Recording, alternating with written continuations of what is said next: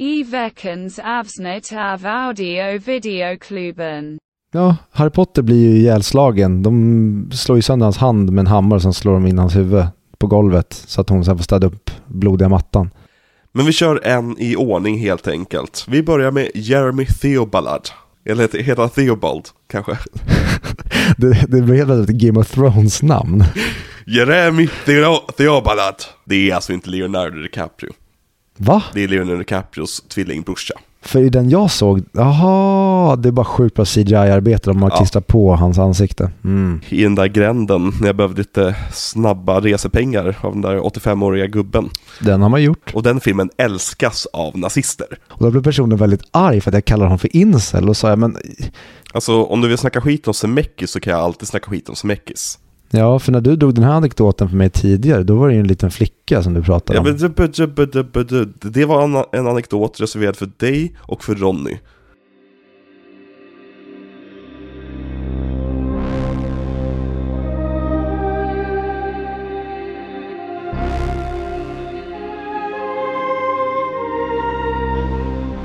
Då var vi äntligen här. Då var vi äntligen här. Vi är i början av slutet tänkte jag säga. Vi är i Oj. början av eh, orgasmen, kanske det blir. Orgasmen. Ja, Vad är det, 12 filmer vi har? ja, vi har 12 väldigt bra filmer. Nej, nej förlåt. Vi har 11 väldigt bra filmer framför oss att se. Nej men det vet vi inte än. Nej, det vet vi faktiskt inte än. Ehm, men eh, ja, nej men eh, Nolan hörru, Nolan. Nolan. Mm. Hmm. Ja. Jag vet inte riktigt var, var man ska börja för det känns som... Nej, det, och det spelar ingen roll. Vi, bara, vi dyker rakt in. Men eh, innan det så vill jag veta, för eh, du har ju varit i eh, Nederländerna får man inte säga längre, utan nu ska man ju säga Holland. I Amsterdam. Fast det är väl tvärtom. Ho- Holland är ju en provins. Det, det, jag säger lite grann som där med Turkey och att man ska säga Turkiet och grejer. Så här. Jag, jag, jag kallar ditt land för det jag vill kalla det. Jag är vit man. Nej, du måste säga Belarus. Det är kul det där med Belarus, det försvann ju rätt snabbt så fort de blev inblandade i kriget. Nej, Det känns som det skrivs Vi- Vitryssland fortfarande överallt. nej jag har bara sett Belarus sen dess. Ja. Nej men jag, jag var i Amsterdam. Du var ju det. Mm. Eh, och vi lyckades ju tajma det, jag och min kompis Erik då, vi lyckades tajma det rätt ordentligt för att när vi kom dit på torsdagen Då hade ju eh, holländarna sin variant av valborg eh, Kungens födelsedag. Så det var en gigantisk fest i hela stan Med båtar som åkte runt med fulla tonåringar överallt och det var ju som eh, fest i varje gatuhörn, det var liksom byggnader, så- alltså bostadsbyggnader som det var fest inuti som spillde ut på gatan och grejer. Överallt där man gick var det folk som erbjöd en gratis öl och gratis mat och gratis alltihopa. Och det, det var underbart. Nice då, att de eh, ligger samtidigt som oss här, för det var ju valborg här hemma också. Ja men precis, det är, kungar tycker tydligen om att födas i slutet på april. Så. Mm. Mm. När ligger man då? Runt september va? Gud jag är alldeles för trött i huvudet för att göra matte just nu. Det stämmer säkert. Jag utgår från det. Ja. Nej men, så, nej men resan överlag- utöver den första dagen så re- resan var jätte, jättenice. Vi hade superstrålande väder, sol, solsken och alltihopa. Eh, vi bara strosade runt. Eh, däremot lyckades vi gå 32 000 steg första dagen och gick sönder våra fötter totalt.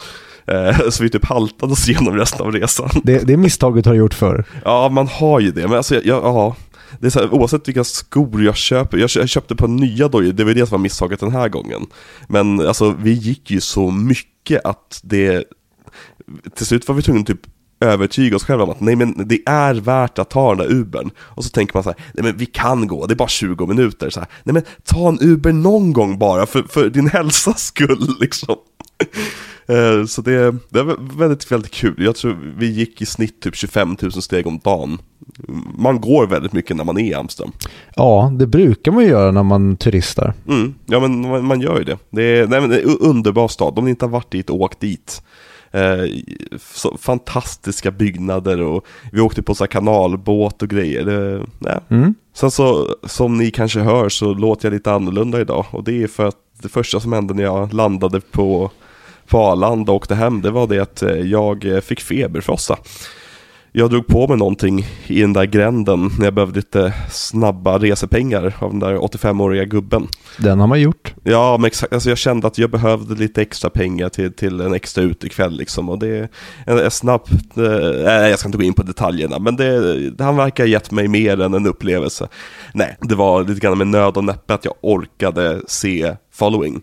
Eh, men jag lyckades sänka några, några tabletter och lite sådär och sen så tryckte jag mig igenom filmen. Ja, oxykotin är ju bra för det har jag hört. Ja, men precis. Och sen så Viktors favoritdrog, kokain då. Rohypnol? Rohypnol? Nej, det vill jag inte trycka i mig om jag ska stanna, om jag ska fortsätta vara vaken. Nej, men det är min favoritdrog. Ja, det är din favoritdrog. Jag bara tänkte på, på Skyfall. Nej men jag har slutat med kokain sedan dess för det, jag vill inte att sånt där ska hända igen. Mm. Men en, en positiv sak med att ligga och vara sjuk i en, i en vecka, det är det att man har tid att se väldigt mycket film. Man har ju det. Filmer som man oftast har sett tidigare bara för att ha någonting att comfort titta på. Så jag bestämde mig för att se alla Oceans-filmer som betyder någonting. Eh, så jag såg Oceans 11, 12 och 13. Det känns som du såg dem för typ en månad sedan. Alltså jag ser dem typ en gång om året. Jag tycker de är så otroligt lättkollade. Det, det är verkligen comfortfilmer.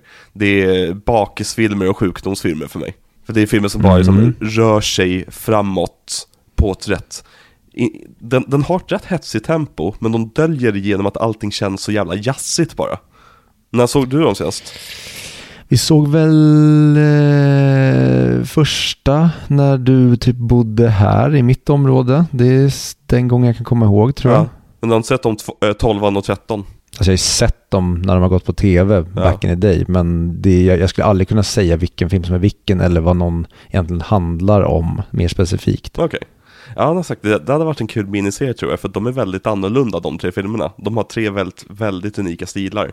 Och sen har vi då Oceans 8 som eh, praktiskt taget skulle kunna heta någonting annat, utöver att det handlar om heist. Och att det är hans syrra va? Ja, precis, exakt.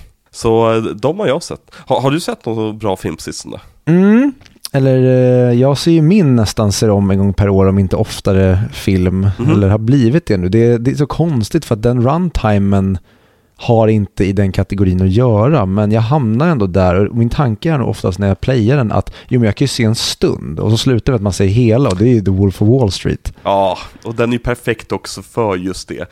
Och där, där är samma sak, att där, där är ju tempot som för en vidare genom filmen.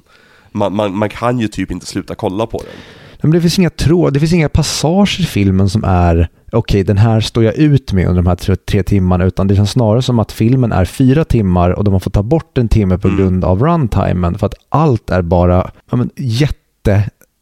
Det är bara jättekul hela tiden. Varenda scen är en banger i den filmen. Jag förstår inte, mm. eller, eller så här, jag ska inte säga att jag inte förstår folk som inte tycker om den. Självklart kan jag förstå varför man inte tycker om den filmen.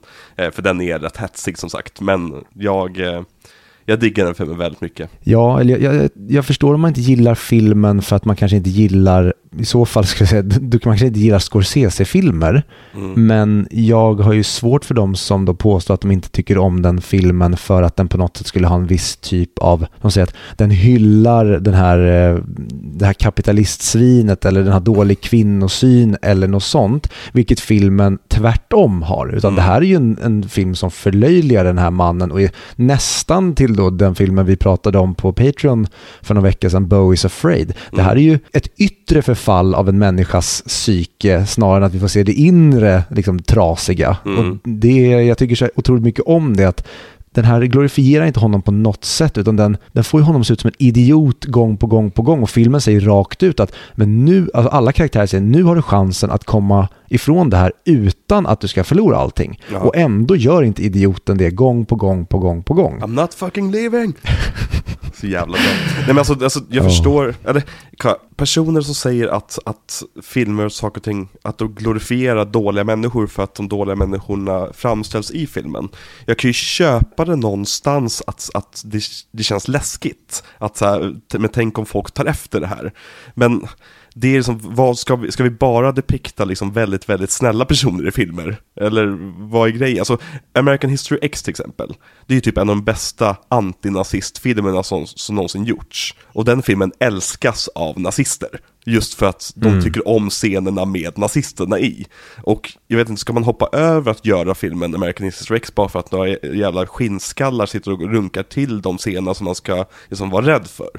Det, alltså jag tror säkert det finns mördare där ute som kollar på eh, Beck-filmerna och älskar bitarna när, när folk blir mördade liksom. Ja, men jag, och det, det tycker jag är problemet när man argumenterar för sådana saker. Till Ja. exempel när det varit så här, ja men videovåld eller eh, tv-spelsvåld eller vad fan som helst. Då vill ju de bara, på grund av att det finns en liten klick människor som är förpantade för att inse vad under, liksom, eller vad budskapet eller andemeningen är.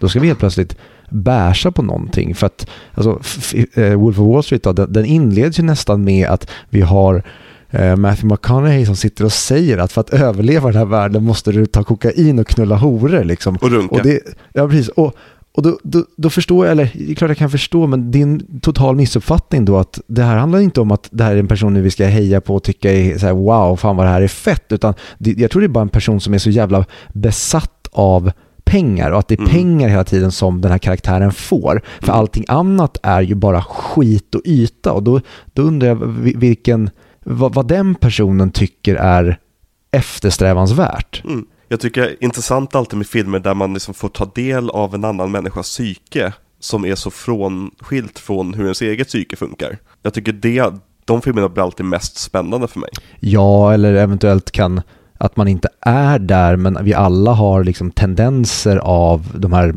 de, finns inom oss, eller i alla fall om man Mm. kollar för att ja, vi alla har det här mörkret och då, då blir man fascinerad av att oj, det är så där illa det kan gå eller det, det är den där björnen man kan väcka om man inte är försiktig eller massa olika. Man, man, det är alltid intressant att se vart saker kan ta vägen om man inte är försiktig med vissa delar av en. Mm. Har du sett något mer roligt än Wolf of Wall Street? Nej, inget i filmväg, däremot i serieväg, men eh, den tv-serien eh, vill jag inte att vi pratar ett ord om förrän det har varit eh, serieavslutning om några veckor. Och det är Succession såklart. Är inte serieavslutet eh, nästa vecka? Nej, det är väl tio avsnitt? Nej, det är väl inte. Det här måste vi kolla upp omgående. Nej, det är bara åtta avsnitt. Nej, det är tio avsnitt, förlåt, jag, det är jag som pratar ur röven. Sista avsnittet sänds den 28 maj. Phew, Ja, vilken lättnad. Men Ja. eh, jag tycker vi eh, kliver vidare till Kristoffer och eh, filmen, eller i alla fall början på hans eh, mediokra karriär. mm. men innan dess så vill jag bara säga välkomna tillbaka till Audio-videoklubben. Audio, video, en bra podcast. Oj, en klassiker. Jag tänker att man, eh, vi får inleda nu när det ändå är det stora partaj, den stora partaj-miniserien. Då får man inleda med eh, Back to the Roots. Ja, för nu är vi tillbaka i en så här mastodont-miniserie där alla filmer kommer vara jättelånga och jättestora med väldigt många skådespelare. Förutom den här första filmen som han har gjort och det är jag rätt tacksam för faktiskt. Att vi börjar med någonting lite smått. Och Dunkirk, den är inte heller lång och inte speciellt supertung när det kommer till skådisar. Äh, d- nej, i och för sig, den, den, den är rätt naken också faktiskt. Eh, men men Okej, rest- den är tung, Ja, jo. skådespelartung, men den är inte lika skådespelartung som de andra filmerna Som, kanske. som Oppenheimer. Alltså jag, jag vill bara... Eh. Alltså jag längtar så efter ögonblicket att vi ska köra castlisten i Oppenheimers, Oppenheimer-avsnittet. Tre dagar senare. Ja men typ. Åh gud, det kommer bli så kul. Nej men eh, vi ska prata om Christopher Nolan. Jag är så jävla taggad. Det här är typ en av de liksom, miniserierna som är anledning till podden känns som ibland. Alltså att det som pratar Nolan. Det är eh, Mm. något vi alltid har gjort egentligen känns som. Mhm. Och vi försöker alltid komma in på Nolan i de andra avsnitten och andra miniserierna också. Jämför saker med Nolan och grejer. Eh, så jag tänkte att jag börjar med att fråga dig Viktor. Vad har du för relation till Christopher Nolan? Oj, oj. Det vore, det vore fel om jag skulle kalla mig själv för en Nolan-fanboy bara för att det, det är nästan som, det är också taskigt att säga, men jag, jag pratade med en, en vän eh, och så sa jag att den personen uppfyllde alla kriterier för att vara en incel. Och då blev personen väldigt arg för att jag kallade honom för incel och sa jag, men det, är, det är ju alla kriterier, men nu har incel blivit liksom förknippat med någonting väldigt, väldigt extremt. Så det, av samma anledning inte vill kalla mig för en fan, en Nolan-fanboy, men jag är ju en Nolan-fanboy, för jag tycker så otroligt mycket om och vad, vad är hans filmer typ gång på gång på gång? Med det sagt så är det inte, liksom, det är inte en perfekt filmskapare, men jag vet inte om det är att han kom när vi var en perfekt, eller liksom kom när, när han på riktigt slog igenom eh, med sina så här populärkulturella rullar, om det, man var en perfekt ålder då, men det, det är någonting med bara Waller Fisters foto, ofta Hans Zimmers musik, men även hur han bara gör film som, som får en att som det brukar lökigt liksom kallas, det, det, det, det är oftast blockbusters med, med lite mer tuggmotstånd än en typ Michael Bay-film. Mm. Ja men det, det, det är filmer som får publiken att kännas lite smart, kanske, ibland. Alltså, det, det, alltså mm. det, det, det, är filmer som lyckas hitta den här rätta kontrasten mellan mysterium och att lösa upp mysterium hela tiden. Så man får hela mm. tiden känna sig så, ah, ah, ja såklart, såklart. Och liksom, gud vilken, vilken intressant lösning var på det där problemet. Och aha, han gjorde sådär, ah, okej. Okay. Det, det, det är engagerande filmer oftast. Men jag vill, jag vill landa på det du sa om, om Nolan fanboy. Att det är, det är ett begrepp som har förstört så mycket. I, I mina ögon så blir Nolan fanboy, det är ungefär samma sak som när man läser typ ett företags värderingar och i det står att på det här företaget så främjar vi allas lika värde. Och det är så här, ja, och det är ju självklart. Det är som plattityd att säga att det inte behövs säga. Det är som, alla är väl Nolan-fanboys. Det är väl ingen som har sett många Nolan-filmer och tänker att han, är, att han är en sopa, misstänker jag. Jag vet en som inte nog skulle säga att han är en sopa, men som vi tycker i alla fall att han är väldigt, väldigt överskattad och det är ju Victor Järner. Jaså? Ja, det vet jag. Reagerade på back in the day när jag lyssnade på Filmix. Han kanske har reviderat det, jag vet inte. Men då var det alltid han som stod i gnällhörnan och resten av grabbarna fick nästan säga åt honom att men sätt dig ner och sluta koka soppa på en spik hela tiden. Men kan inte det bara vara lite så här ett konträr åsikt, alltså om att man vill stå emot det här som otroliga Nolan-älskandet. För att Nolan, Nolan är ju lite grann vår generations Tarantino, som han var för Gen Xers. Att alla tjatade mm. sönder om honom. Så jag kan ju alltså jag kan ju relatera lite till Victor Järn. Alltså ibland har jag själv känt den känslan. Så här, alltså måste alla prata om Nolan hela tiden? Och sen slår jag på en Nolan-film och känner att nej, vi borde prata mer om Nolan. Absolut kan det vara så. Men där vill jag minnas att han han, han, tyckte bara att saker inte funkade. Jag vet att han var en sån som verkligen tyckte att Nolan, han, han presenterar exposition som en elefant i en porslinsbutik. Ehm, och, och där kan jag förstå att om man tycker det, mm. men jag håller inte med honom, för då, då tycker jag man lite vi, kan komma till det när sådana tillfällen dyker upp längs liksom den här miniseriens väg. Men eh, ja, nej, jag vill typ inte prata mer om det för jag, jag håller med dig. Att det, det pratas inte tillräckligt om honom nästan ibland. Eller framförallt nu på senare år när Dunkirk var inte så jävla sexig i allas ögon. Alltså många uppskattade och tyckte det var en väldigt bra film. Men många hade kanske förväntat sig att Åh, det kommer Inception 2. Mm. Eller eh, typ med Tenet att folk tyckte att nej men nu har Nolan spårat ur här. Nu har han mm. tappat det. Och därför ska det bli så kul att se nu vad, vad som händer med Oppenheimer. För nu, nu är det nästan... Ja men Interstellar var ju ändå typ unisont liksom, där satt alla och grupprunkade. Mm. Men Dark Knight Rises, den har ändå fått lite, liksom, säg framförallt, den var väldigt håsad av väldigt många när den kom, att väldigt många var uppslukad av känslan, men den känns verkligen som den har svalnat med åren när folk har verkligen sett om den och tittat på vad det egentligen är. Han har ju varit hetare så att säga. Mm. Eh, och därför ska det bli skitintressant nu när han kommer med Oppenheimer och se vad är Oppenheimer och hur kommer Oppenheimer tas emot. Ja, och sen så också, det finns ju en väldigt specifik film ur Nolans filmografi som gjorde Nolan Bros rätt liksom, eh, omöjlig att ha att göra med också ett bra tag. Eh, mm -hmm. Av flera olika anledningar också. Men det kommer vi... Insomnia. Exakt, det var Insomnia. Precis. Men det kommer vi komma till lite längre fram. Men eh, min relation till Nolan är väl typ exakt som din. Han, han, han var den där snubben som gjorde Batman Begins som, som, eh, som jag älskade och sen så såg jag Prestige på bio och var helt knockad av den. Sen så var, har jag bara varit på Nolan-tåget sen dess. Eh, varje film han släpp, eh, släpper är verkligen så här, åh den måste jag gå och se på bio på en gång. Liksom. Det finns inget annat Mm. sätt att göra det på. Eh, så nej, Nolan är en av mina absoluta, absoluta favoritregissörer, även fast det känns väldigt torrt och tråkigt att säga det. Det är ungefär som att säga att tacos är ens favoriträtt. Men fan mig om inte tacos smakar underbart. Jag förstår vad du menar. Men ska vi prata lite grann om Nolans liv? Har han haft ett liv? Jag trodde han bara var en, eh, en nästan en AI som spottade ur sig produkter. Man skulle ju nästan kunna tro det, för allt jag hittar om Nolan är hans relation till filmskapande. Så jag vet inte. Men han är i alla fall Mm. född eh, den 30 juli 1970. Eh, så vi hinner inte säga grattis till Nolan under Nolan-miniserien dock. Nej, då kan vi lika gärna lägga ner. Ja, exakt. Då eh, avrundar vi avsnittet. Eh, harakiri!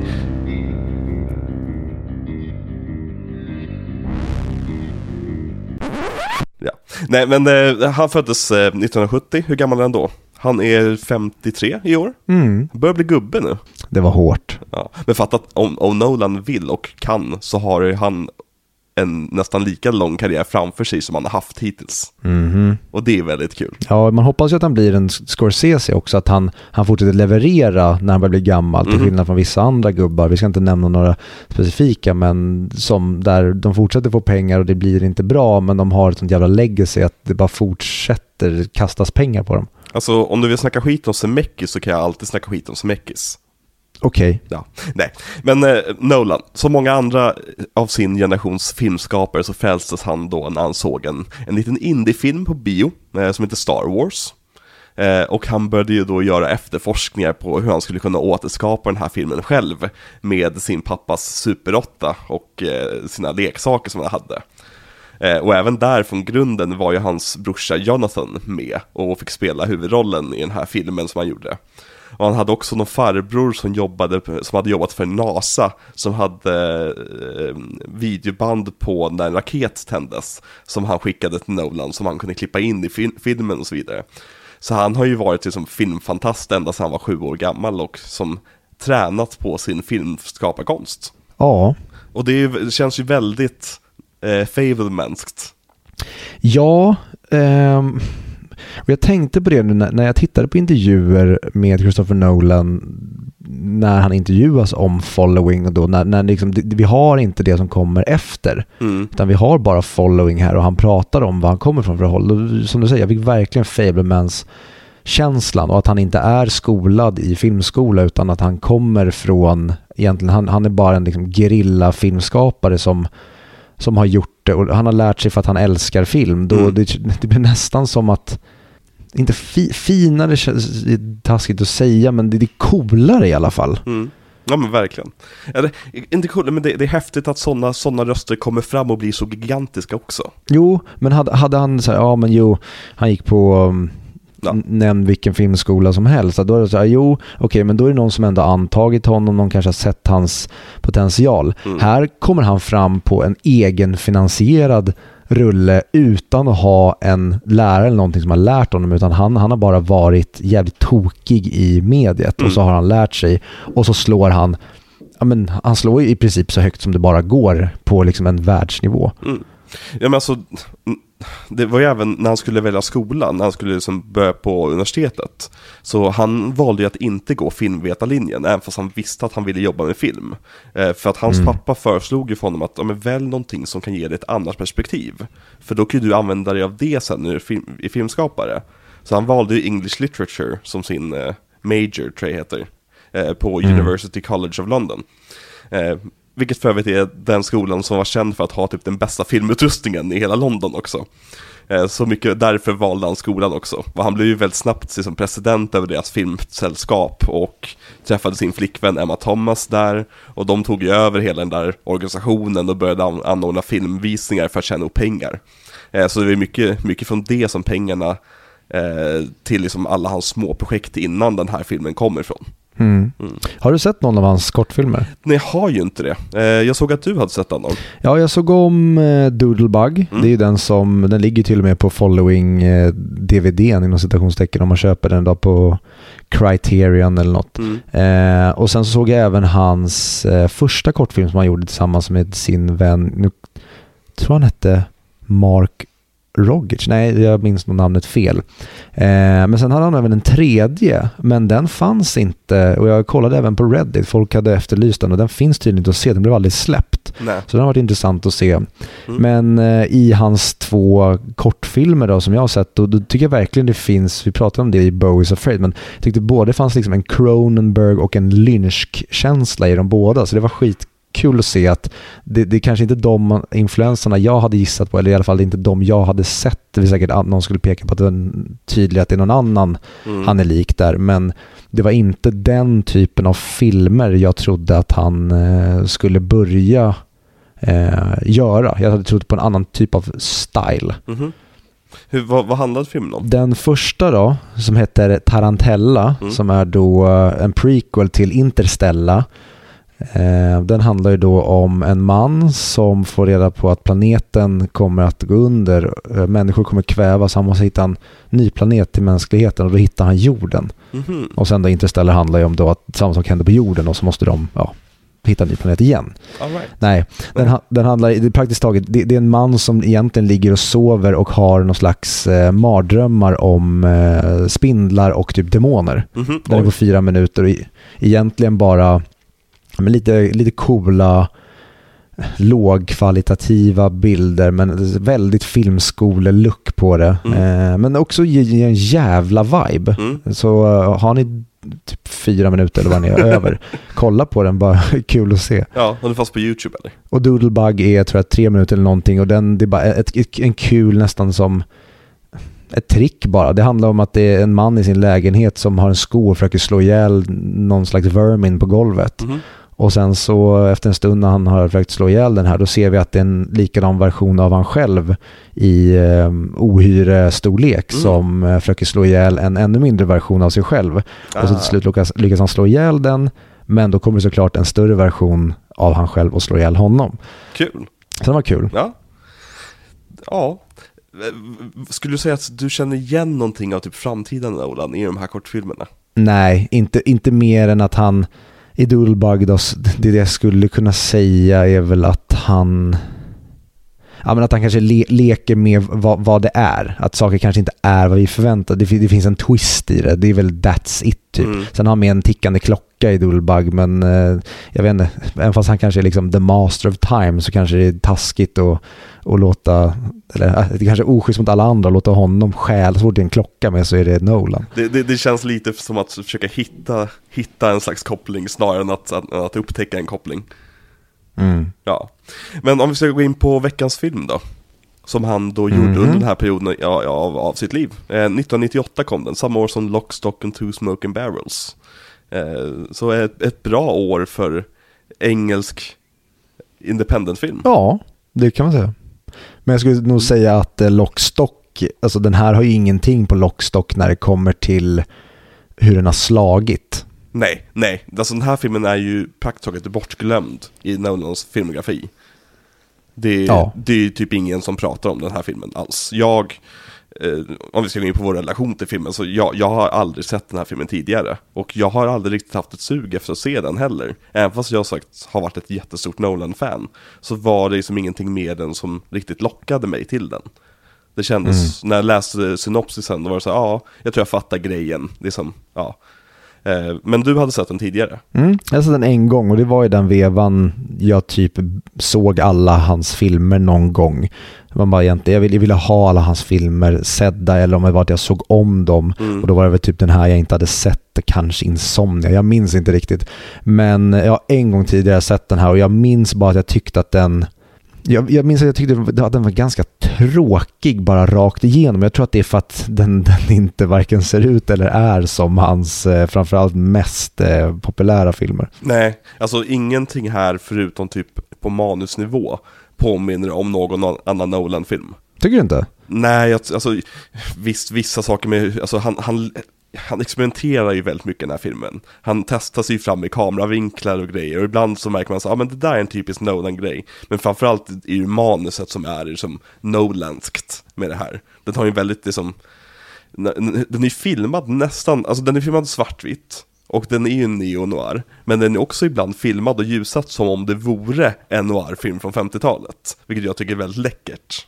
Mm, det är gorgeous och jag tycker så mycket om att han har själv sagt det att det, den, den ser inte ut så här Eh, såklart, han är ett super noir-fan, men han säger det att den ser inte ut så här för att jag ville att den skulle se ut så här egentligen. Den ser ut så här för att det var det enda vi typ hade råd med och kunde göra. Vi plockade bort, för han hade lika gärna kunnat skjuta den i färg, men mm. att skjuta i färg gör att man får det så otroligt mycket jobbigare när det kommer till ljussättning framförallt och det, liksom, det är massa färger och sol och skit du måste förhålla dig till. Det här underlättade utav bara helvete för dem när det, skulle, när det kom till hur filmen ser ut. Mm. Det sparar dem enorma mängder pengar.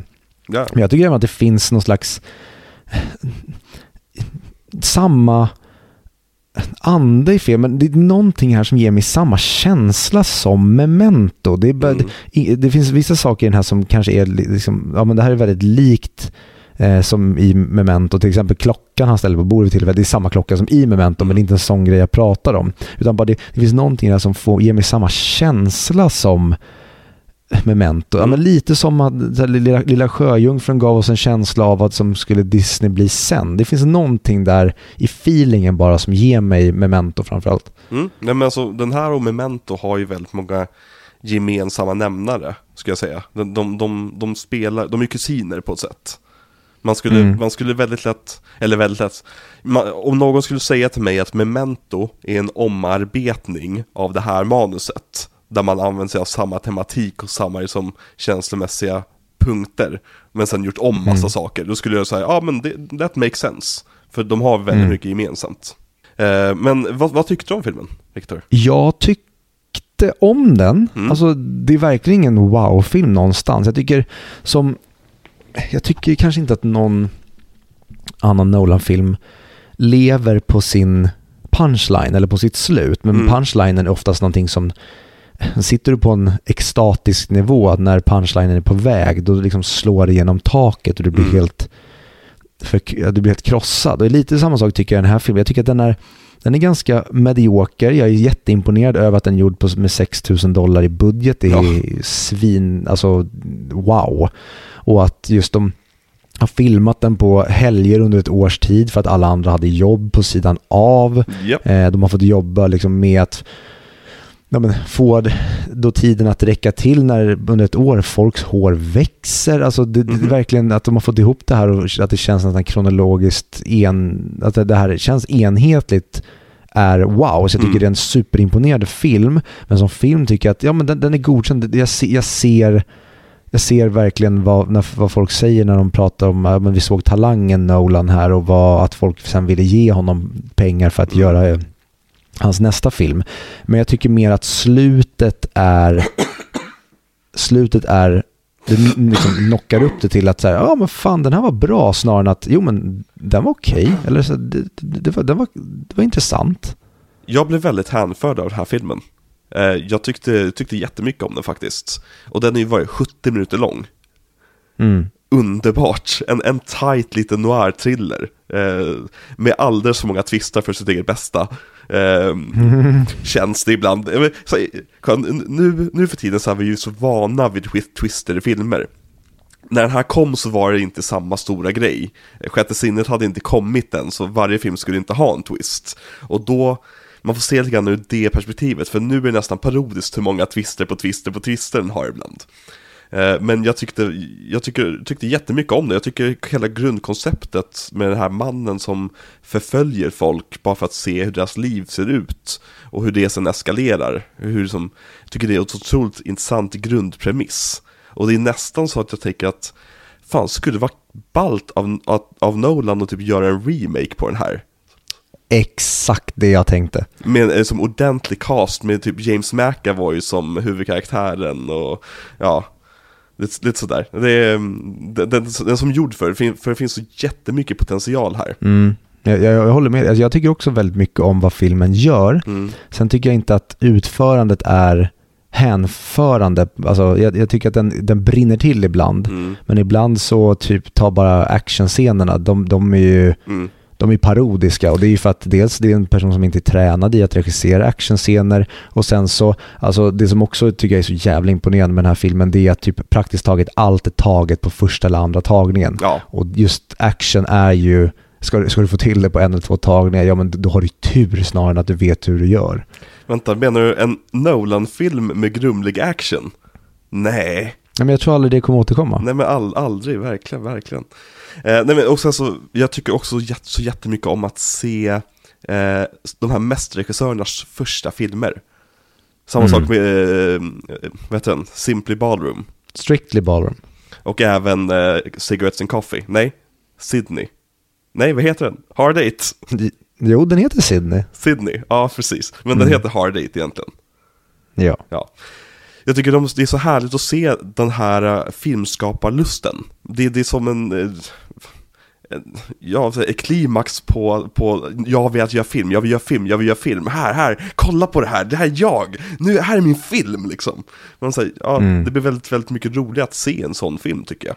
Ja, eller det i alla fall gör det sjukt mycket roligare att se vad det hade varit annars. Om, om någon bara hade playat den här för mig så då hade man inte haft samma kittel i byxan som man har Nej. nu. Nu blir det verkligen, oj, här, nu, nu är det kul att se liksom ba- Baby Nolan krypa här och se, kan han eventuellt resa sig upp och ta några steg? Oj, han går ju för fan. Ja, nej men om någon hade gett mig den här filmen och sagt att du, det här är min polare från Englands film. Han gjorde den över ett år med sina kompisar, vill du kolla? Ska jag...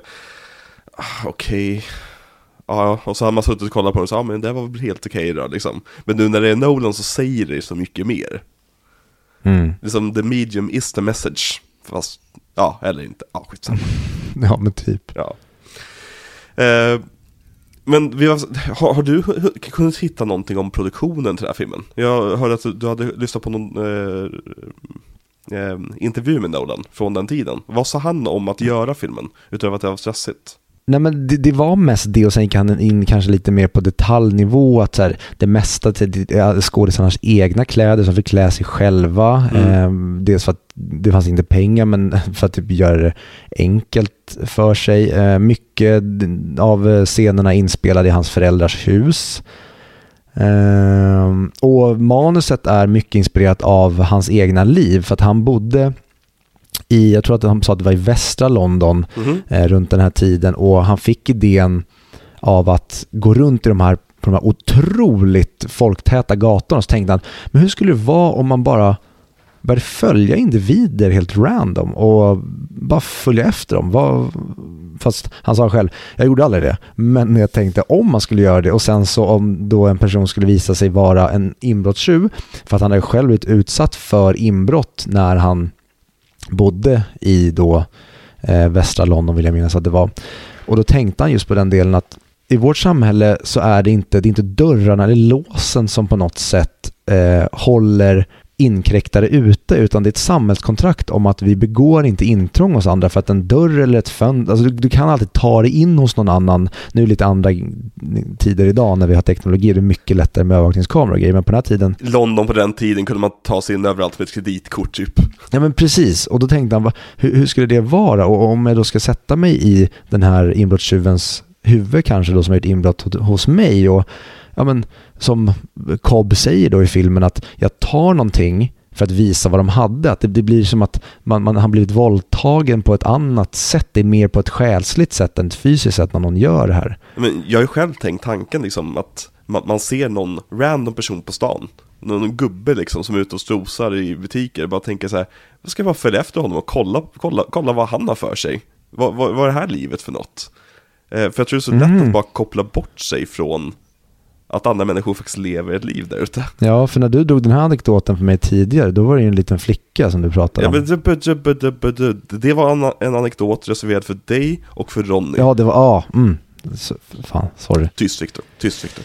Nej, nej men alltså, det- jag tycker det är så intressant det här med den här konstanta, eller återkommande liksom, viljan att vilja hitta liv i, i, an, i andra personer och andra saker. Eh, om vi tar, okej det är en jätteluddig tanke inser jag nu, men om, om du tar typ så här djur, när vi kollar på katter och hundar och grejer, det roligaste och sötaste de kan göra, det är när de gör saker som påminner oss om att de har känslor in, inuti. Att när de gör saker Mm. som känns lite mänskliga kanske.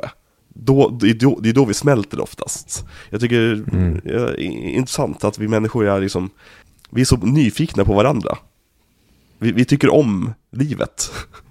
Jag vet inte, det är en Ja. jätteluddig tanke. Nej, men, ja, nej, jag håller med och det är vad, vad vi praktiskt taget lever för. Det är liksom the, the connection with other people. Ja, det, exakt. Utan den så dör vi liksom. Det, och det tycker jag om så mycket när film kan spegla det på ett sätt som får att nästan, du får nästan känna att jag, jag vill gå ut, som i den här, jag vill gå ut och följa efter någon Mm. för att bara se, vill se typ en osynlig connection-tråd mellan mig och någon annan, men det är Mm. bara jag som vet om att tråden träffar den. Den vet inte om att det finns en connection mellan oss. Exakt. Vi är alltså potentiella stalkers och borde spärras in. Eh, ja. Ja.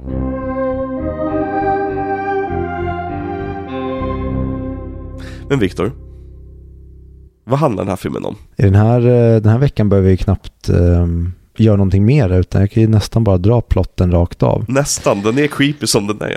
Men eh, i min version då, så är det här eh, en incel, vilket han är. Han säger att han har varit ensam en väldigt lång tid. Han är en författare inom citationstecken, men han är inte en författare, han är ju bara någon som vill vara en författare. Det är ju Cobb väldigt duktig på att tala om för honom. Jag älskade den scenen när Cobb bara klankar ner på hans lägenhet framför honom.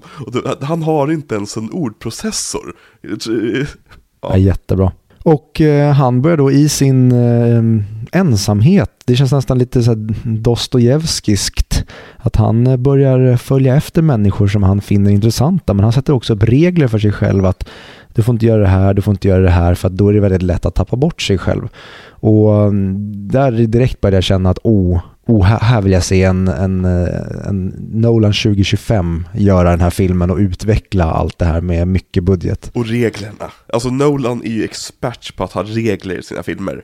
Alltså, Mm. ja, ja, hans, hans filmer är ofta så matematiska och liksom uträknade mekaniska och det finns alltid som hundra regler att hålla koll på om varför de här sakerna funkar på det här sättet och så vidare. Jag älskar det. Det är, ja. Ja, och jag, jag tycker att han är väldigt duktig på att presentera reglerna, eh, vilket Mm. många har kritiserat honom för att han då skulle vara en expositionselefant i en porslinsbutik. Jag håller inte med om det för det mesta. Det finns tillfällen där han kanske inte hanterar det lika snyggt, men då det är kanske mer en smaksak. Men jag tycker, att, jag tycker att, alltid att han gör det så intressant, även om det bara är voiceover som läser upp reglerna eller Mm. det är ett gäng som står och ber- berättar reglerna för varandra, så att han, han gör det alltid så jävla intressant. Men ja, vidare Ja. till eh, vad filmen eh, kanske eventuellt handlar om då. Han eh, börjar då följa efter människor och en dag så blir han då konfronterad av en annan incel. Nej, han visar sig inte vara en incel.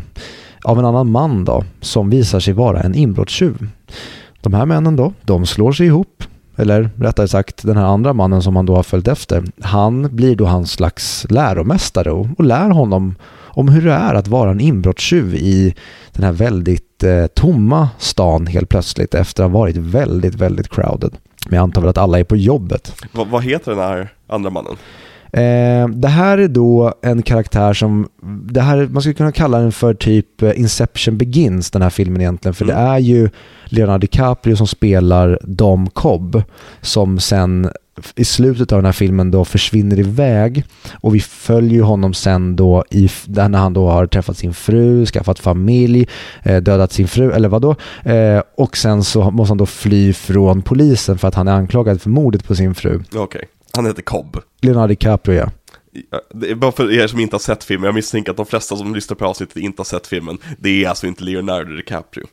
Va? Det är Leonardo DiCaprios tvillingbrorsa. För i den jag såg, jaha, det är bara sjukt bra CGI-arbete de har Ja. klistrat på hans ansikte. Precis, Mm. precis. Okej, men Cobb, Cobb eh, eh, tar med den här unga mannen.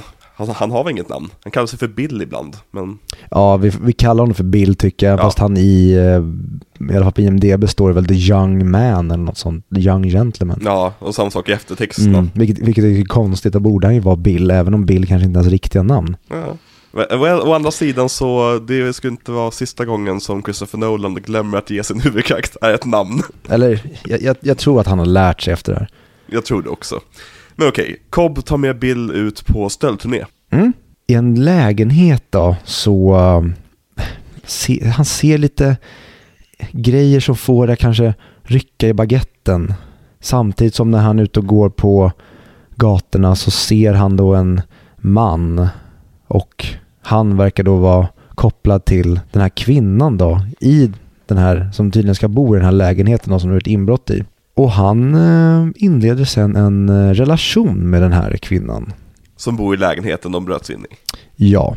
Det, det, har vi glömt säga, den här filmen är ju typisk Nolan-film i det att den har ju tre olika tidslinjer samtidigt. Ja. Det är väldigt ambitiöst för sin första film på 70 minuter. Som fan, och jag tycker väldigt mycket om, han gör det väldigt snyggt genom att vi, vi fattar vilken tid vi befinner oss i genom att i första, eller den, liksom den, den tidigaste tiden, mm. då ser huvudpersonen Bill och han ser ut som en slusk, mm. han har långt hår och ser liksom ganska risigt klädd ut. Sen har vi då när det är lite längre fram när han då har blivit skolad av Cobb, då bär han kostym och eh, har klippt sig och ser ja, fräsch och snygg ut. Mm. Och eh, för sig på ett helt annat sätt. Han har självförtroende. Mm. Och sen så har vi då den, den tredje delen som är slutdelen, då, då ser han precis, i princip ut som han gör då med kostym och är välvårdad, men han har också blåtiror. Man ser att han har fått stryk på något sätt. Exakt, och Nolan leker ju väldigt snyggt med så här, hur ska jag avslöja vilken tidslinje det här är i? Så här, vad kan jag mm. ge för liten hint? Det finns en till exempel här, när vi klipper till en tidslinje där, där han är sönderslagen i ansiktet. Men det enda sättet vi ser det på det är att vi har en liten, liten ljusstrimma över personens öga där det var ett sår på ögonbrynet. Mm. Och då förstår vi direkt att, ah, vid den där tidslinjen, perfekt. Så mycket sånt tycker jag är väldigt kul att kolla på med den här filmen, att sitta så här, ah okej, okay, nu är vi där, okej, okay, bra, bra, då fortsätter vi liksom. Eh, mm. Men ja, vad är det som händer, händer sen? Han börjar dejta den här blonda kvinnan. Eh, och sen så... Eh... Han fattar tycke för henne, eller de, liksom, de blir involverade och ja. han på något sätt vill rädda henne från henne. Hon, hon sitter då i någon slags skuld till en, en typ en maffiaboss eller en liksom traffickingchef eh, som då är den, den här mannen då som han har då eh, förföljt lite grann tidigare. Eh, och, och, han börjar tycka mer och mer om henne och vill på något sätt ta henne ur det här men hon, hon säger att nej men han har bilder på mig eh, och därför kan jag inte bryta mig loss. Exakt, så han går ju med på att stjäla de här bilderna åt henne. Mm. Men vi får där, runt där i historien får vi också reda på att Cobb och den här blonda kvinnan är egentligen tillsammans. Och att de mm. håller på och playar eh, Bill. För att det visar sig att Cobb, när han bröt sig in på ett ställe så låg det en död kvinna där. Som var helt sönderslagen.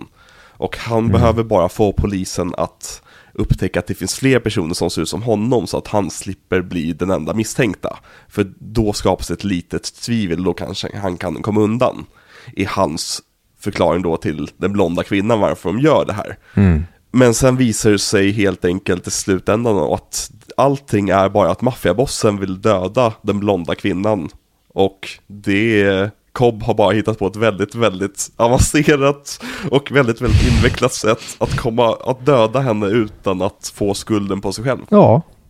Och sen filmen slut. Ja, han framar helt enkelt våran protagonist på ett eh, nästan, det, det, är så dåligt, alltså det, det, är så bra att det blir så dåligt. Ja, och det, och det är lite så, det är väldigt filmiskt. För att när man tänker efter, han börjar framea honom för ett mord som han inte begått än.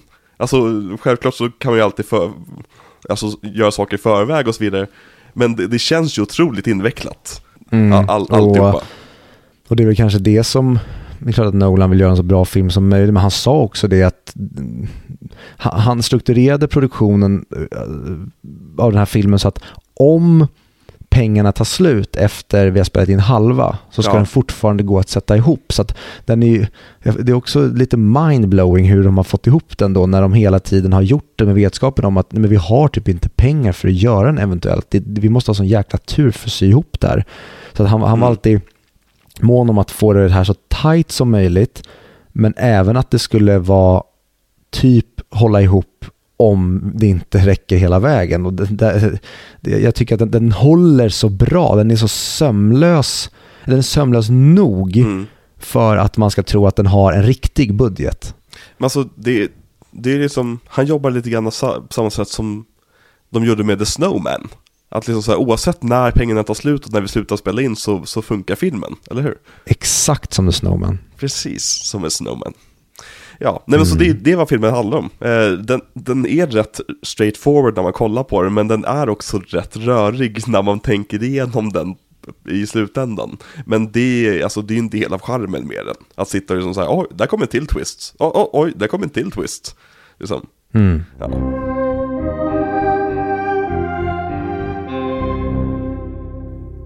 Du sa att det fanns en kronologisk cut av den här. Ja, precis. Eh, och först blev jag lite sur för så här, varför sitter fans och klipper ihop chronological cuts av den här filmen? Det, det känns som att det tar bort halva nöjet med den här filmen. Men sen upptäckte jag att den släpptes officiellt på Criterion-disken. Mm.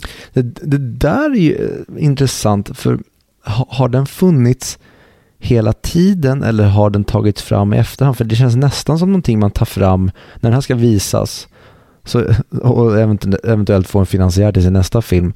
Då är det som att ja, men jag kan visa den i kronologisk ordning också så att du förstår att det, den hänger faktiskt ihop. Så att det, det inte bara är förvirrad efter. Men den skulle typ vara lite kul att se. Jag tror inte den skulle vara i närheten av lika bra dock. Nej men det är ju samma sak som, som nästa veckas film. Där det också finns folk som har gjort chronological cuts av den. Som också är officiellt släppta på Blu-rays och grejer. Och det tycker jag bara Mhm. förstör konceptet med det. Det. Det tar bort allt det imponerande med det. Ja, ja. Mm. Eller inte allt imponerande, men mycket, mycket av det imponerande. Verkligen. Det är nästan som att man, man skulle ta nå, någon som har skrivit en bok och har en viss typ av prosa och sen så är det någon som har skrivit om så att det bara är liksom Asperger-versionen. Det, bara, Ja. det är vad, vad, vad, den här personen har skrivit men nu har vi tagit bort personens egen melodi från det. Ja, det är lite grann som svenska undertexter då. Men kul för det, den, det kan vi säga, den här filmen finns ju inte att se på någon streamingtjänst utan Nej. det är bara om man har ett speciellt HBO-konto. Mm.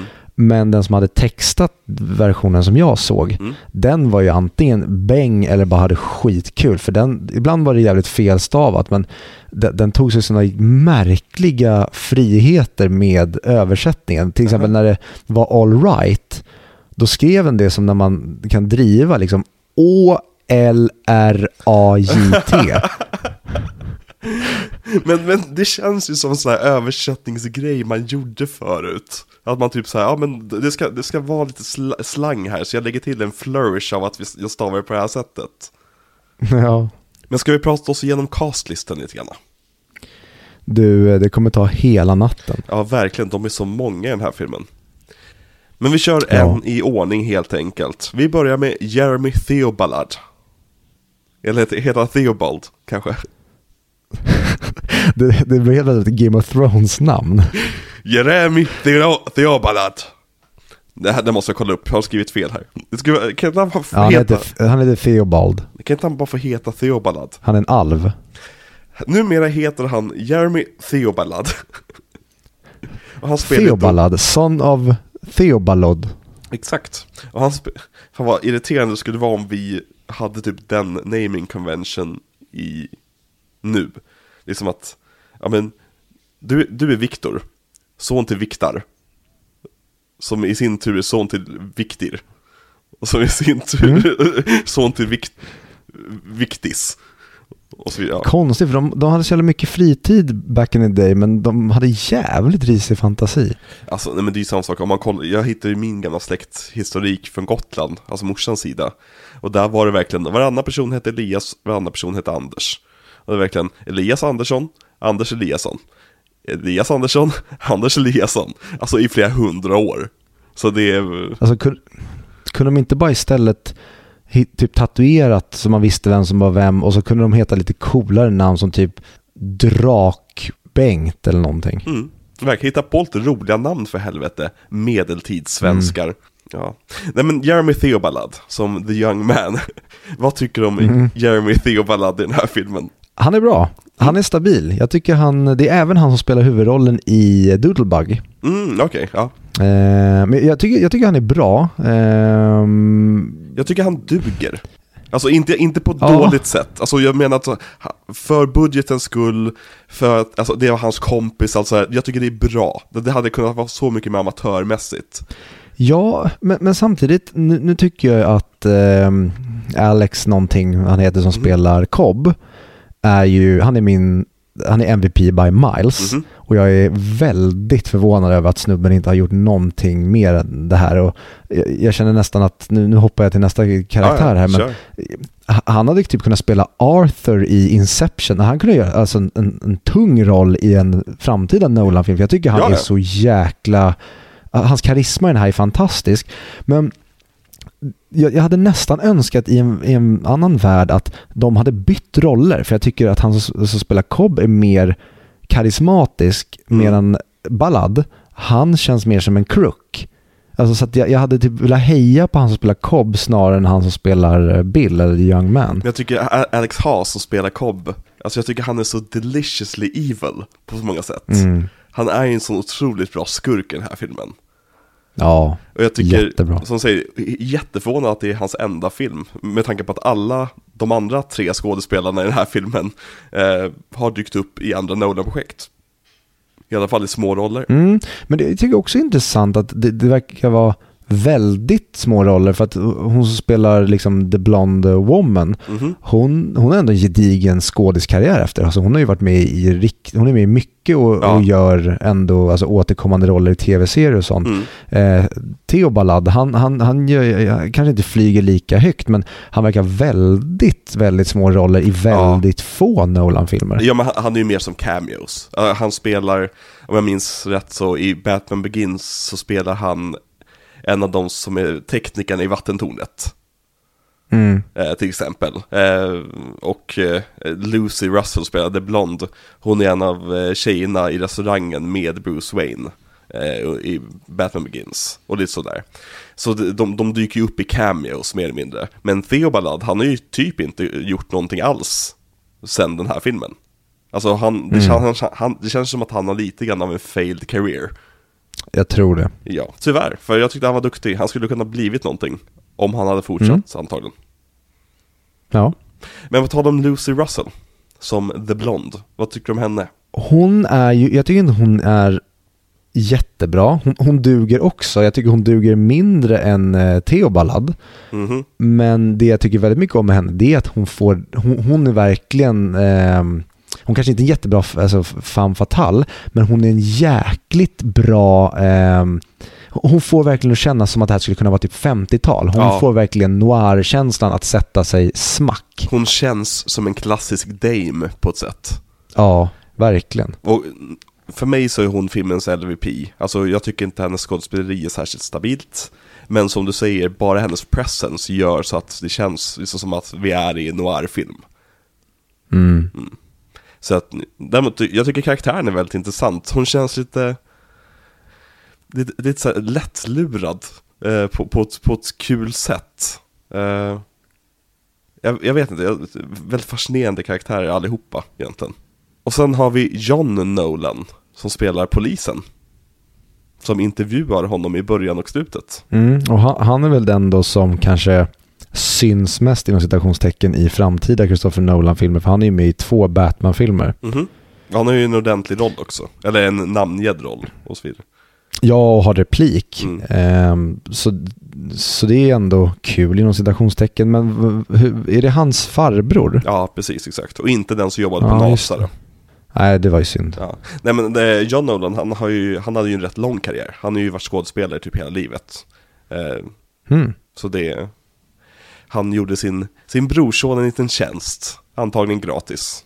Kul om han tog betalt. Ja, precis. Han var den enda som tog betalt. Ja. Vad tror du att det är din lilla skit? Ja. Eh, någon mer karaktär du vill prata om i den här filmen? Eh, eller Daniel Radcliffe. Dan, Danny Radcliffe? Ja, Harry Potter blir ju ihjälslagen. De slår ju sönder hans hand med en hammare och sen slår de in hans huvud på golvet så att hon sen får städa upp blodiga mattan. Harry Potter? Du måste utveckla det. Han, han är jättelik Daniel Radcliffe som Harry Potter, den Jaha. mannen som blir ihjälslagen. Det tänkte jag inte ens på. Så jag tycker han är min MVP. Han borde trollats ur det där. Daniel Radcliffe. Han borde Mm. sjungit sig ur det. Spelat eh, dragspel ur det. Du har sett den va? Jajamän. Jag har fortfarande inte fått arslet ur vagnen och sett den än. Men eh, jag måste göra det snart känner jag. Jag skulle kunna se om den med dig, den var underbar. Ja, lätt. Vi gör den ikväll. Men på tal om musik. Vad tyckte du om eh, musiken i den här filmen? Väldigt stämningsfull. Mm. den gjorde jättemycket. Alltså jag tycker den gjorde mer än fotot. Det, det, det är någonting som hela tiden känns skevt. Det här ilandet, gnisslandet, det var nästan så att jag ville stänga av för att Mhm. det, det känns inget bra det här. Och det, jag, jag tycker verkligen, och ofta när det blir nästan bara liksom... Stress, stressen gjorde de jättebra med musiken. För att vara helt ärlig, så när jag såg filmen var jag typ... Behövde jag lägga, lägga så mycket energi på att typ inte bara typ svimma i soffan. Att jag minns inte musiken alls. Ja, jag, nu när du beskriver den så kanske det ringer någon klocka, men, men jag reagerade inte på den alls, vad jag minns. Men jag tar ditt ord som att det, jag, jag tar det på orden Alltså det är ett av Hans Zimmers svagaste verk, men det är fortfarande bra. Vem är det som har gjort musiken? Ingen aning faktiskt. Det skulle vara kul om det faktiskt var Hans Zimmer Det, det, det, det blir någon slags här George Lucas retcon att man har gått tillbaka och lagt in Hans Zimmers musik i efterhand. För det var, det var så, den musiken han tänkte att det skulle vara när han gjorde det, men det fanns bara inte pengarna då. motsatsen till David Harbors tidsmaskin är att han har han, han ger en känd person är med i någonting som inte är känt än. Väldigt, väldigt märkligt, väldigt märkligt ämne att prata om också. Det med musiken, eh, vad, vad bra att du tyckte om den, eh, Viktor. Jag är glad för din skull. Mm. Alltså det är inget wow, men jag, jag tyckte att den, den, den stod ut och den gjorde sitt jobb. Enligt Viktor är det alltså på topp fem över alla soundtracks of all time. Det är framförallt det bästa scoret i någon Christopher Nolan-film hittills i hans karriär. Hittills hans, ja definitivt. Jag skulle säga att det är till och med det bästa Nolan-scoret hittills i hans karriär. Och då minns jag det knappt Ja, ens. ja. det har övertygat mig. Mm, verkligen. Ehm, postern till den här filmen. Men ska vi inte prata om fotografen? Vill du prata om fotografen? Mm? Prata om fotografen. Det är Christopher Nolan. Han har ju fotat själv och ju- regisserat själv och gjort allting själv praktiskt taget. Klippt och hållit på. Ja, och det sa han också i intervju att, att man får göra film på det här sättet, guerrilla style och att man får göra allting själv. Och han var så väldigt tacksam för att han kommer från en tid där man har fått klippa sin film själv och framkallat sin film Mm. själv. För det har han tagit med sig sen när han har fått större budgetar, dyrare leksaker. Då kan han fortfarande det här grundarbetet och det, han vill inte släppa det och han som många vet att han- vill ju alltid göra sina filmer på riktig location. Han gillar inte att fuska med en green screen eller vara i en Nej. studio. Kan han vara på en riktig plats, då vill han vara på en riktig plats. Och det kommer ju verkligen från att han, ja, i- egentligen praktiskt taget från när han var liten, har fått göra allting på riktigt och lära sig hantverket från grunden. Så att han vill inte gå över till fuskvägarna om han inte måste det. Och det är till exempel han han tog ett exempel på det senare i karriären när de filmar Dark Knight med IMAX-kameror.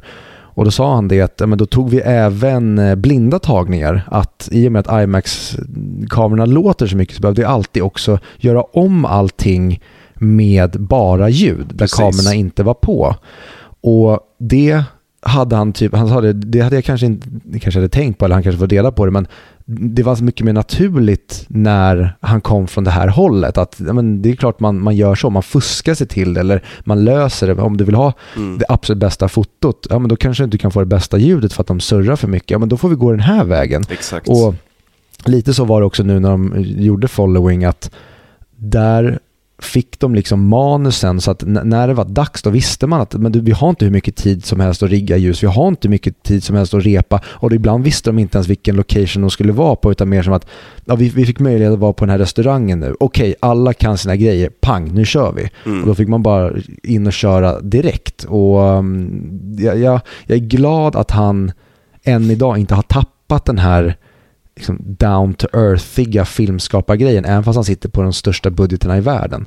Ja men det är alltså ja, Nu har det, det är mimat sönder det uttalandet Men bara det här med att han ville göra alla atombombsexplosioner i Oppenheimer praktiska. Och då menar jag inte droppa en faktisk atombomb utan göra en, en explosion i en contained chamber som ser ut som en atombombsexplosion bara.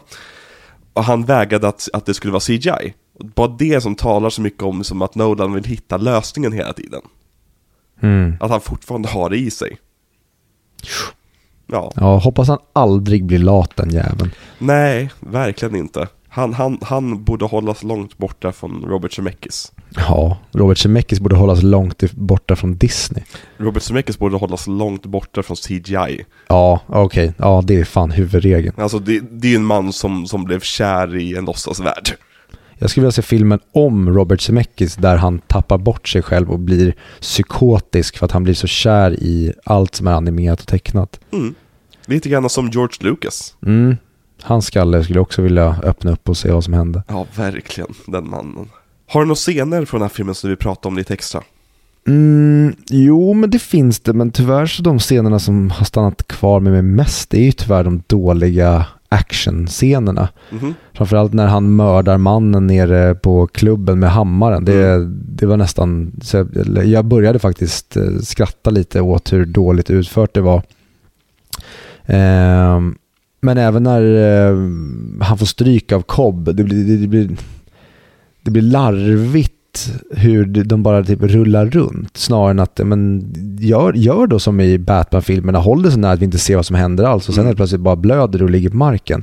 Nu, nu blev det som att Nolan inte, han, han vågade inte regissera skiten ur det för att de kanske inte hade tid eller han kanske inte kunde men han kanske inte visste eller vågade ligga för nära för han var rädd för att någon kanske skulle säga att ja, men det, man ser att den här filmen är, är ingen budget alls för du kan inte ens filma fighting-scener, vi ser inte vad som händer. Det känns som en chicken out på något sätt. Mm. Men eh, nej, egentligen har jag väl ingen... Jag tycker, tycker om typ alla scener när Cobb egentligen bara förklarar för honom saker ligger till Ja. och mansplainar för honom och tillrättavisar honom. Jag, Men var, allt med Cobb är det bästa typ. alla scener när de gör inbrott på ställen. När de bara går igenom folks lägenhet. När Cobb liksom förklarar hela så här, ja men det här är varför jag gör det här. då. Det här är anledningen varför jag tar den här saken. Mm, det känns verkligen så, så Nolanskt att Ja. det, det finns hela tiden en förklaring till varför den här grejen snarare än att bara vi tar det för att vi tycker att det är kul utan vi tar det här för att det visar på den här psykologiska triggern eller någonting. Mm. Vad, eh, finns det någonting i filmen du hade ändrat? Också svårt att säga, men jag, jag hade nog egentligen... Ja, men det, jag hade velat se den här filmen gö- göras en remake på, för det, den, är, den är ofullständig, fast samtidigt är den, den, den, den är tillräckligt bra för att den, alltså, man ska tycka att den är bra, Mm. men jag hade verkligen velat se vad den hade kunnat göra med en riktig budget, för det finns, känns som att allt nästan är outnyttjat, men samtidigt så är det kvalitet rakt igenom. Mm. Ja, alltså det, Typ. det finns så mycket potential i den här filmen som jag sagt tidigare. Det, Mm. Man ser verkligen en ung filmskapare. Mm. Hur gammal var han när han gjorde den här? 28? Ja, Ja, det blir det väl. eller 27 var han ju, rent textat, när han började. Ja. Mm. Jesus Christ, tänk den 27-årig Christopher Nolan. Det känns som att han, han, han typ skulle se ut som han gör idag, bara att han har lite lägre hårfäste. Ja, eh, mottagandet av den här filmen. Den blev ju hyllad, liksom, när folk såg den. Alltså, eh, som en debutfilm betraktad. Det var ju inte som att den blev en stor succé på bio direkt. Och att den skrevs om i tidningar överallt. Men de som såg den på festivaler var verkligen så här: wow, det här är en ny fräsch röst liksom. Mm. Och eh, man skulle ju kunna tänka sig att Nolan kanske fick en karriär efter den här filmen. Men det fick han inte. Nej, så det här är sista avsnittet av vår Nolan-miniserie. Mm. Mm. Nej men den vann ju också lite priser och så här, och det var ju verkligen att Nolan sågs som så här, men det här måste vi satsa på. Och det var också folk som satsade på honom och han fick då göra nästa veckas film. Som är Memento. Jajamän. Mm. Har du mer tankar om den här filmen eller ska vi gå på våra betyg?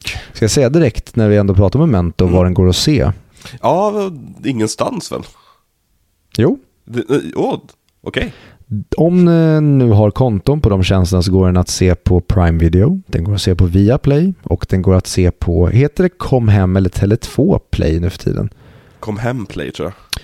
Och sen om ni vill hyra den eller köpa en digital kopia så går det att göra på Blockbuster, Apple TV, Rakuten TV eller SF Anytime. Vi är inte sponsrade, tyvärr. Det var kul att sponsra alla dem. Samtidigt.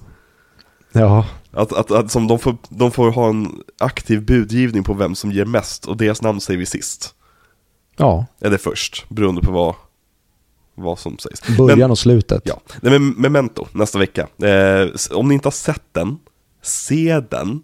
Jag kan säga att den, det är en film som i alla fall en gång i tiden, har legat som nummer ett på min lista över bästa filmen Nej men det vet vi inte än. Eh, Jag kan, jag kan ge en liten spoiler. Att den eventuellt en gång i tiden har funnits där. Ja, då behöver ni inte lyssna på nästa veckas avsnitt då. För att de vet att jag en gång i tiden har älskat Memento. Mm, han kommer bara sitta och säga att allt är bra. Så, nu vet ni vad nästa veckas avsnitt kommer handla om. Ja, och veckan efter det. Och veckan efter det. Och veckan efter det. Och veckan efter det. Men Viktor, Kanske. vad ger du för betyg till den här filmen? Eh, jag sätter ändå en tre och en halva på den här, men som film tycker jag att det är en trea. Den, den är godkänd för mig i två och en halv, men Mm. jag sätter en trea för att, eller en trea bara som film, för jag tycker att den är bättre än bara godkänd. Men Mm. som total tycker jag att den är väldigt imponerande. Jag, jag, jag skulle, det, det, tre och en halvor, det är mer så här, wow, you pulled it off, tre och en halva, snarare än att filmen är tre och en halv. Och jag sätter ju samma betyg fast inte enligt min egen skala. Så den får en 4 av 5 för att jag hade så, jag hade riktigt jäkla kul med den här filmen. Det, Se fan. Ja, ja det här... eh, Mm, nej, det, det, var right up my alley. Sagt, jag skulle älska att se Nolan göra en remake på den här. E- Eller, fuck it, någon annan regissör gör en remake på den. Det snackades ju förut om att de ville göra en remake på Memento. Gör en remake på den här istället. Ja, eh, typ Wally Fister skulle kunna göra en remake på den för Transcendence blev så jävla bra. Nej, för fan heller. Håll käften. Eller så kan, eh, var det Lisa Joy och Jonathan Nolan? Var det de som gjorde den bedrövliga Ja. Hugh Jackman-filmen? Ja, det var väl Lisa Joy som regisserade va? Ja, Reminiscence. just det, så var det. Ja, Åh, jag vill typ se om den för det var ett haveri. ja, vi hade så kul på den bion. Ja, Ja. Yes, men ska vi runda av det här? ja det hur, gör Hur, vi. hur gör vi det då? Ja, exakt. Mm. Vi kan göra så här, vi är ju faktiskt i England, så det är inte helt opassande att sluta med Harry Potter. Då gör vi det. Då gör vi det. Harry Potter. Harry Potter.